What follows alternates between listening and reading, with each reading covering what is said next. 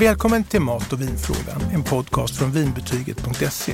Och välkommen Kristoffer. Men tack så mycket. Och idag så ska vi väl prata om lite finare mat och dryck vid en eh, särskild fest. Absolut. Vid den här tiden Ja. så brukar det ju vara Nobelfest. Jajamän. Den här tiden på året. Och då kommer det människor, forskare och eh, celebriteter från hela världen hit till Stockholm. Men i år är det inställt. Så vi får, ha en liten, ja, vi får ha en liten eh, Nobelmiddag här i studion kan man säga. Ja, det tycker jag. Ja. Vad har du med dig idag? Eller vi kanske ska låtsas helt Ja. enkelt. Men hur, eh, varför är det så spännande med Nobelfesten egentligen? Ja, jag tror att det här är världens största officiella middag. Mhm. Och med officiella med att det kanske finns något bröllop som är större. Ja, vad ja, ja. Eller något sånt där. Men det här är den största och den är ju då unik så tillvida att det är liksom inte varm korv som serveras utan det det här är ju en nivå på både mat och dryck som Ja. är exceptionell. Det kan jag tänka mig. Jag har tyvärr inte varit där. Mm. Nej. Någon gång kanske. Ja, Men hur många är det på den här middagen? det är 1300, eh, 1350 gäster Det är ungefär. en hel del. Ja, och eh, då är det ju då, pristagarna är ju liksom, tycker jag i alla fall, hedersgäster. Mm. Och de får ha med sig 14 egna gäster. Och det är kan ju, ganska generöst ändå. Ja, absolut, det tycker jag också. Och då bor de trevligt och har massa arrangemang i, flera dagar och sånt Mm. där. Och jag tror att man tar väl med familj och kanske vänner och sådär också i- bland de här 14. Jag tror de flesta liksom fyller upp de här 14. Mm. Men det är väl mest vuxna kanske, inte så mycket barn. Det var någon pristagare som hade med sig två tvillingar som var nio år. Och de satt hela middagen ända fram till efterrätten och då somnade de vid bordet. Ja, det kan jag tänka Ja, mig. så att, men det, är- det, det var det- bra kämpat i alla fall. Ja, absolut. Förutom deras plus 14, då, vilka är det mer som kommer? Ja, just det. Ja, men dels är det ju kungafamiljen. Ja, svenska. Ja, ja. Och de ser man ju då, det här är ju tv-sänt i absurdum kan man säga. Det är Mm. två miljoner tittare som följer då drottningen och prinsessorna och deras klänningar och, Mm. och allt sånt här. Sen är ju också Svenska Akademin, Mm. de som är kvar. och sen så, eller får komma kanske Ja, jag ska säga. exakt. Och sen så är det politiker. Mm. Vad de nu ska göra där, ursäkta mig. Och så är det lite kulturelit och sen så är det lite näringslivsfolk sådär.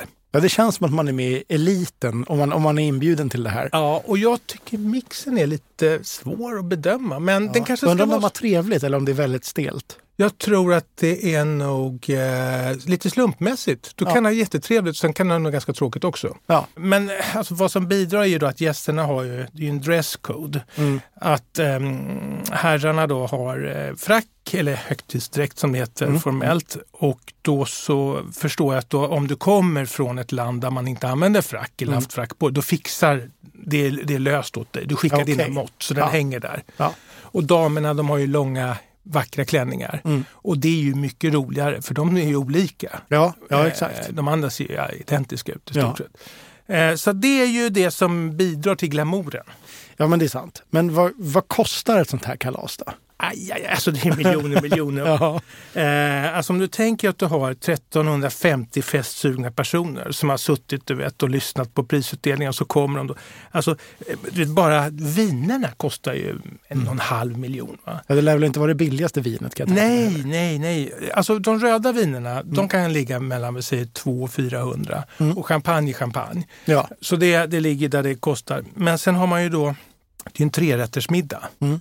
Men inledningsvis var det fem rätter. Ja. Ja, och då så kom det ju världskrig och grejer och då så tog man och drog ner till tre rätter. Och det är ganska Det var hanterbart. rimligt ändå. Ja, precis. Ja. Men sen så är det ju väldigt mycket serveringspersonal Mm. naturligtvis. Och det är ju kockar och kökspersonal som håller på och lagar allt det här. Mm. Och det är blomsterarrangemang som är enorma. Va? Och då, så det är florister som jobbar med det här hur länge Mm. Som helst.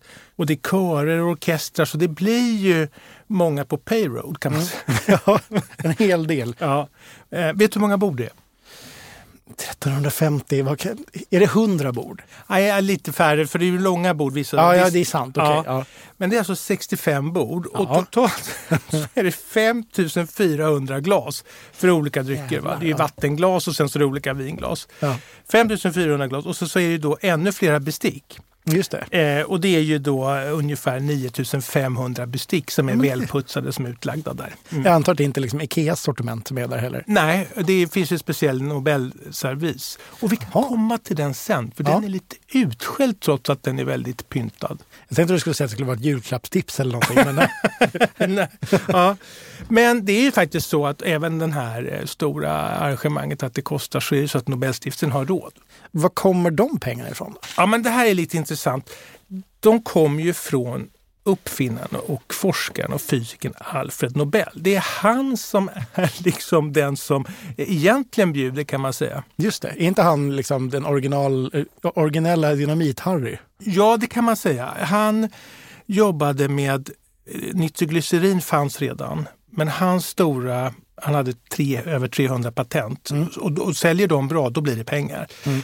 Men det han eh, åstadkom var att han lyckades tygla dyna, eh, alltså nitroglycerinet med en, en sån här tändhatt. Just det. Och innan så kunde det smälla både till höger och vänster. Mm. Och eh, nitroglycerin kunde vara flytande så då lyckades han göra att det blev hanterbart för att till exempel spränga för att bygga en bro eller för att eh, ja, bygga en järnväg eller vad det nu kan vara. Mm.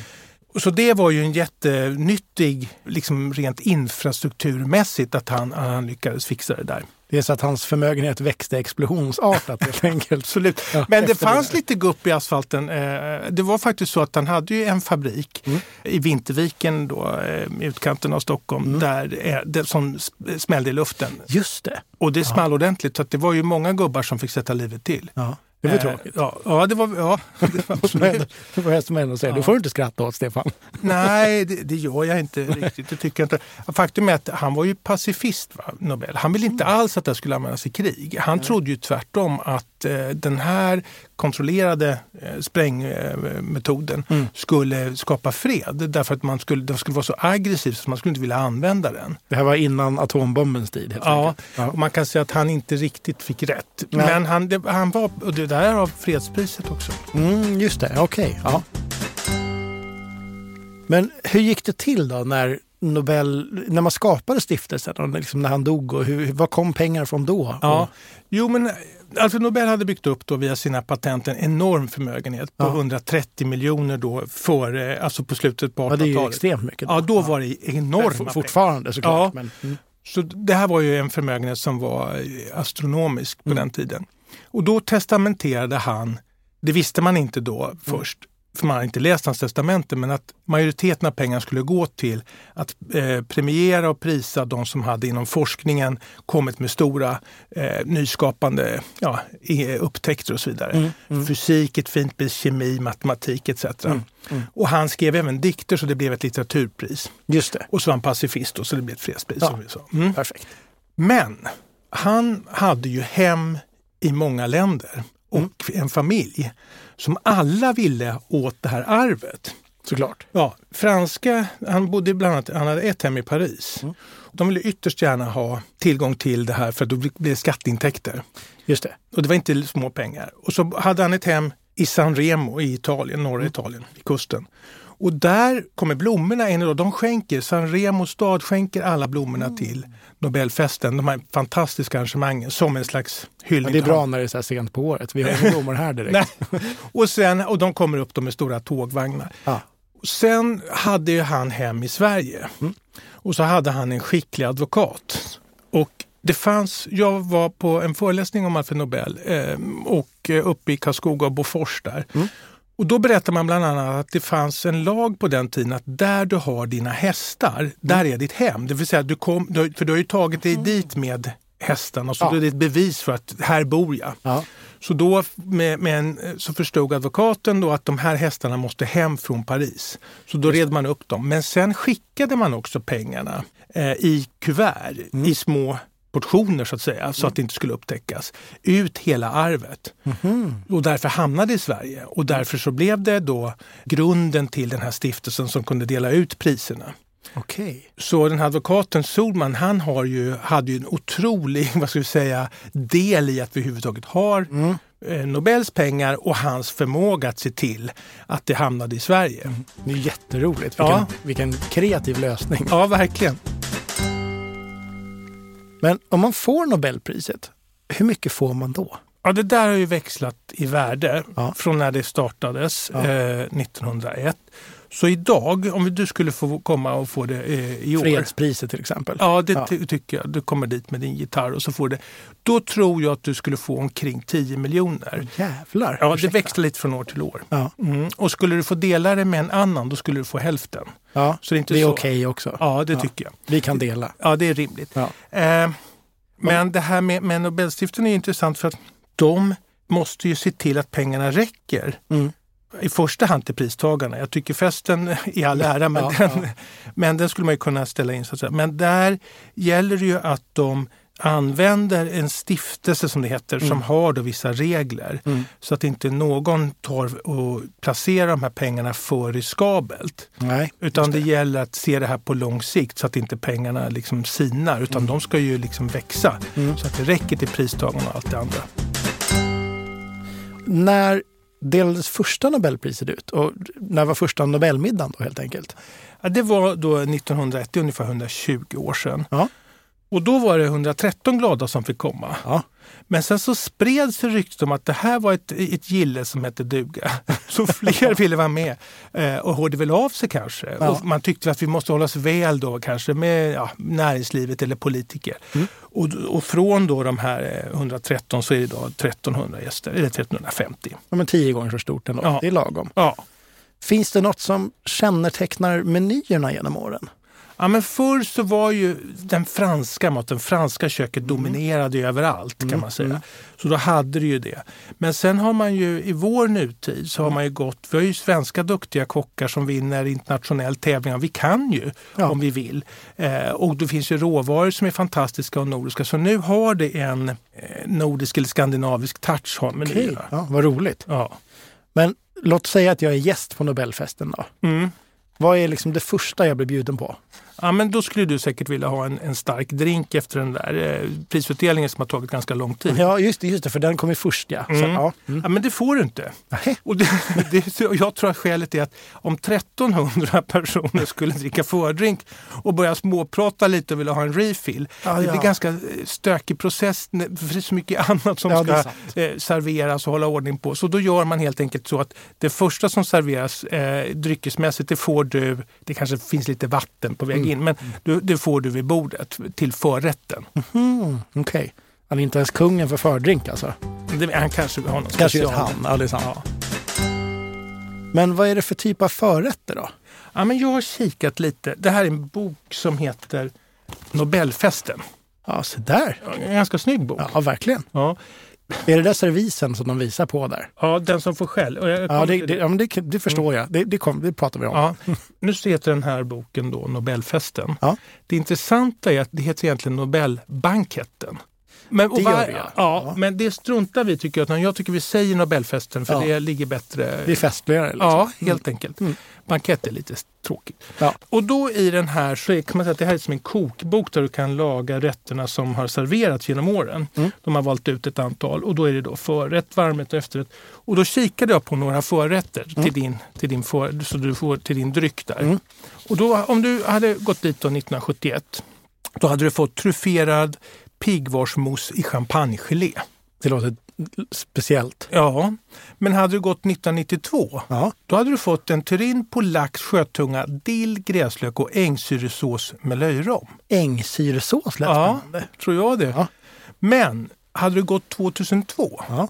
då hade du fått en tartalett med getost och rödbeta Mm. samt marinerade pilgrimsmusslor och havskräftor med tryffelvinägrett.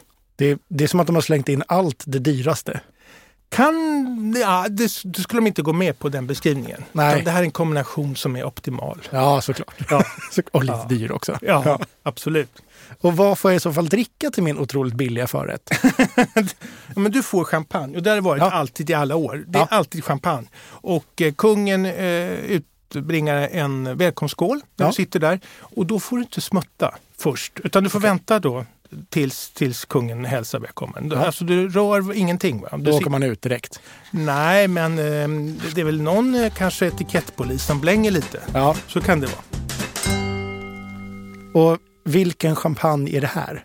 Alltså det är ju olika från varje år. Okej. Ja. Men det är ju bra champagner alltid. Ja, det får man Och de flesta champagnerna är ju, nu finns det ju ett spann, det vet vi, det finns ju sådana som kostar kanske runt 200 och Mm. de går inte att jämföra med de som kanske det dubbla eller mer. För det är ju en annan sak med, som har med druvor och hantering och sånt Ja, att göra. ja. Men vi ska kika på en champagne, för den här fick ett eget pris häromdagen. Jaha, Ja, den fick en guldmedalj. vad trevligt. Ja, så då har vi både eh, prisvinnare här inne och så har vi då champagne. Nu ska vi ska hitta den här i studion. Kanske inte fredspriset, men det är ändå Nej. ett pris är ett pris. Ja. Så här ser den ut. Och vad trevligt. Ja, i en låda, en vacker Ja. grå box med silver på. Och den Ja. heter då Charles Heidsieck Brut Reservé. Och du får Den gärna ser inte den. heller billig ut. Ska jag öppna den här? Ja, det tycker jag. Den känns ganska nobellig. Jag tycker att det här, Ja. här skulle absolut kunna serveras där. Nu ska vi se, jag ska bara få ut den här utan att, utan att förstöra. Det här är ju då en så kallad eh, blend. Alltså det Mm. är de tillåtna champagnedruvorna som den har då. Och då är det då 40 Pinot Noir och 40% Chardonnay och 20 Pinot Meunier. Det här är ingenting man vaskar. Nej, det är ingen årgångskampanj utan en så kallad non-vintage. Men den, Mm. den här fick även en guldmedalj i en annan tävling i våras och det var en blindprovning. Mm. Och den ligger ju i topp på vinbetygets eh, topplista då, där vi samlar alla betyg. Mm. Och den lär nog ligga kvar där med tanke på den här senaste medaljen också. Ja, ja exakt. Mm. Det är en ganska snygg, lite ovanlig champagneflaska tycker jag. Ja, verkligen. Ja, men stålgrå eh, Mm, folie och etikett Mm. och inte så... Ganska diskret elegant. Ja, den är ganska diskret faktiskt. För att vara just en champagne. De brukar vara väldigt snirkliga. Ja. Liksom. Och sen har den en lite pressad flaskform. Den är lite bred de, och är lite smal hals. Ja, den. Det är lite bowlingkägla. Ja, och det är tydligen så att man har skapat flaskformen efter valven eh, där i, Ja, ja. i champagnedistriktet där man, vinkällaren är, där den här Okej. föds, champagnehuset Charles Heidsieck. Vad kostar den här? Ja, men den kostar 469 kronor. Ja, Men då är det ju en superbra champagne som du kan ha till det mesta. Till mat, utan mat, till Nobelmiddagar eller till enklare sammanhang. och det, det, tycker jag, det, det tycker jag är rimligt. Ja.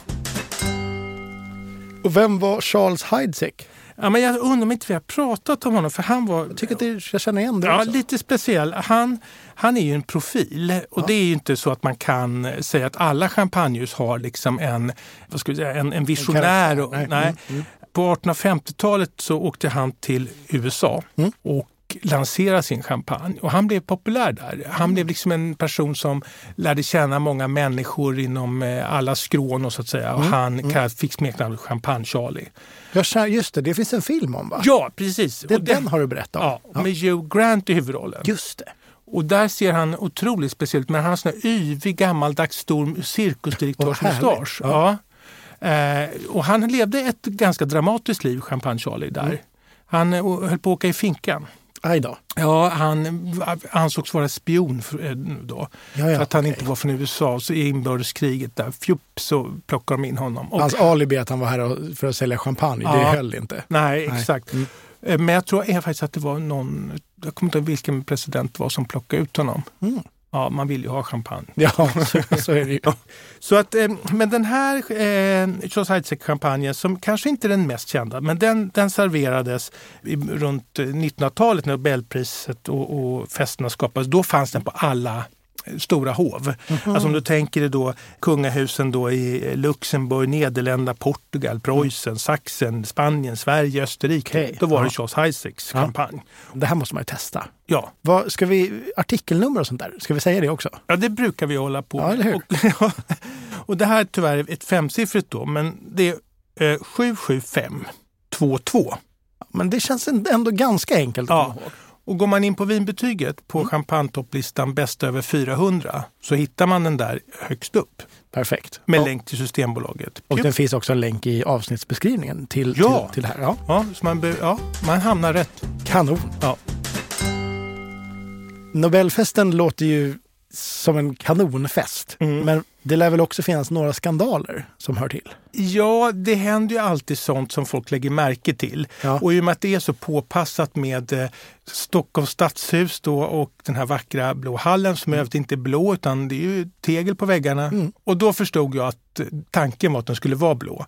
Ja. Men då tyckte arkitekten då, Ragnar Östberg att det var så vackert med det här teglet så då struntade man men namnet är kvar. Ja. Men där är ju då tända ljus, kandelabrar, det är vita dukar och det är uppklätt med, med vackra klänningar och diadem och allting och det glittrar och så. Så det, det, gör ju att om någon gör någonting som sticker ut lite mm så, så noterar man ju det. Mm. Och en sån här historia var att eh, den här U2-gitarristen mm. Edge, mm. han var gäst ett år. Han kände någon pristagare mm. som hade plockat med honom. Och då satt han med mössan på. Såklart. Ja, och det är ju lite, lite speciellt. Ja. Och då fick han ju frågan eh, varför då liksom? Ja. Det är kallt ute, svarade han. Ja, det, det var det säkert i och för sig. Men inte där inne. Nej. Och jag tycker att man ska följa liksom intentionen. Om, om man blir bjuden på någonting så ska man följa det. Ja. Det är lite tramsigt och jag vet inte om han försökte vara lite rebell med sin mössa där. Han är ändå rockstjärna liksom. Ja, men han kanske fattar. Men folk förstår nog att han var flintis ändå. Ja, kanske inte med mössan. Så det var lite skriverier om. Ja. Och han ville väl också kanske ha lite attention. Ja. Ja, det blev lite skriverier också. Ja, det är sant. Mm. Finns det något mer? Då? Ja. Det var ju ganska snäll ändå. Ja, ja men det beror på. Det, alltså jag tror inte vissa, alla gillade inte nej, att nej, Edge ja, satt där. De tyckte Edge kunde stannat hemma om man skulle ja. ha mössan på ja, sig. verkligen. Nej men det är ganska kul. Eh, Göran Persson var ju då statsminister eh, vid 2003 och han sitter vid honnörsbordet. Och så har han en av prinsessorna till bordet och eh, det är ju så elegant det kan vara i, i, i de här sammanhangen. Ja, verkligen. Och då eh, finns det bilder när han sitter och har fått ett mobilsamtal som han tar. Så han sitter och pratar i mobilen så kupar han handen så man liksom pratar lite sådär, försöker prata lite diskret. Ja. Och det tycker jag är liksom speciellt. Ronny, vad kan det vara för samtal va? Vad, vad, ja. som var så viktigt? Det känns som att det finns några till på lager. No, alltså pressen brukar ju betygsätta klänningar ja. och det tycker jag är ganska elakt egentligen. För den som har klätt upp sig har ju intentionen att vara fin. Ja, verkligen. Så det ställer inte jag upp på, det är poängbedömning. Ja. Sen är det väl några som har då kanske varit lite slarviga med hur klänningarna sitter så bysten trillar ut. Ja, det, är... det kanske, ja så va. Ja. Men det som var kul var ju att eh, Sara Danius då som hade då en hektisk tid där, Svenska Akademin, hade ju enormt spännande kreationer. Mm. Och när det var mycket blåsväder där, då hade hon en fullständigt dramatisk, färgstark historia som liksom fick alla att bara titta på henne och det tyckte jag var ganska strångt. Mm, verkligen. Och någon sista. Ja, jag skulle prata om det här med glasen. Just det. Och, och är det en skandal? Just det, det var det ja. Ja, så här är det. Vinkännare och champagnekännare tycker att det här Nobelservisens champagneglas är en ja. fullständig eh, katastrof. Ja, där, du ser här hur det ser ut på bilden. Vi kolla? Ska vi se. Det är uppifrån där. Det ja, ja, har ja. en vid kupa. Är det som sådana martiniglas? Ja, nästan. Ja. Och det, då tycker man att då tappar man både eh, Allt, doften, ja. Den, den, den går ju dit glasen ser ut som ett V ja, och då ja. så, den samlar inte som en kupa gör. Nej. Så idag så rekommenderar man ju champagne. Och jag läste några inlägg nu från jättearga eh, vingubbar som, mm. som tyckte att det var eh, förskräckligt. Och någon skrev, jag hatar det glaset! men hur kommer det sig? Det måste ju finnas någon anledning till det? Eller? Nej, men jag tror att glas har gått lite över i mode och så vidare. Och då när den här servisen har ju funnits ett antal år Mm. Den är ju lite pyntad med guld och allt det här mm. och även porslinet och sådär. Men jag tror att man helt enkelt inte såg på champagne. Då har man ju nästan förordar man ju vitvinsglas som har en kupa som går ihop. Ja, ja. För att både ja, kolsyran och dofterna ska finnas kvar. Så det är helt enkelt att det, det, där, idag kanske det är lite daterat. Men, ja, det men, kanske är dags att uppdatera Men jag tycker inte man ska hata ett glas. Va? Nej. Nej, det är sant. Ja, eftersom eh, jag är inte bjuden på den här inställda Nobelfesten så får jag väl helt enkelt styra upp en liten egen Nobelmiddag hemma med det här champagnen. Absolut. Ja, det ska jag testa. Det känns som att om den är så liksom, omtalad så det, det, man måste ha testat den i alla fall. Det tycker jag absolut. Ja. Det är ett säkert kort. Ja. Du, Kristoffer, vi ska tacka alla som har lyssnat. Ja, det tycker jag. Ja, och tack själv. Ja, men tack själv. Vi hörs snart. Det gör vi. Hallå. Hej! Har du frågor om mat och vin? Alla frågor är välkomna. Mejla till mig på stefanvinbetyget.se.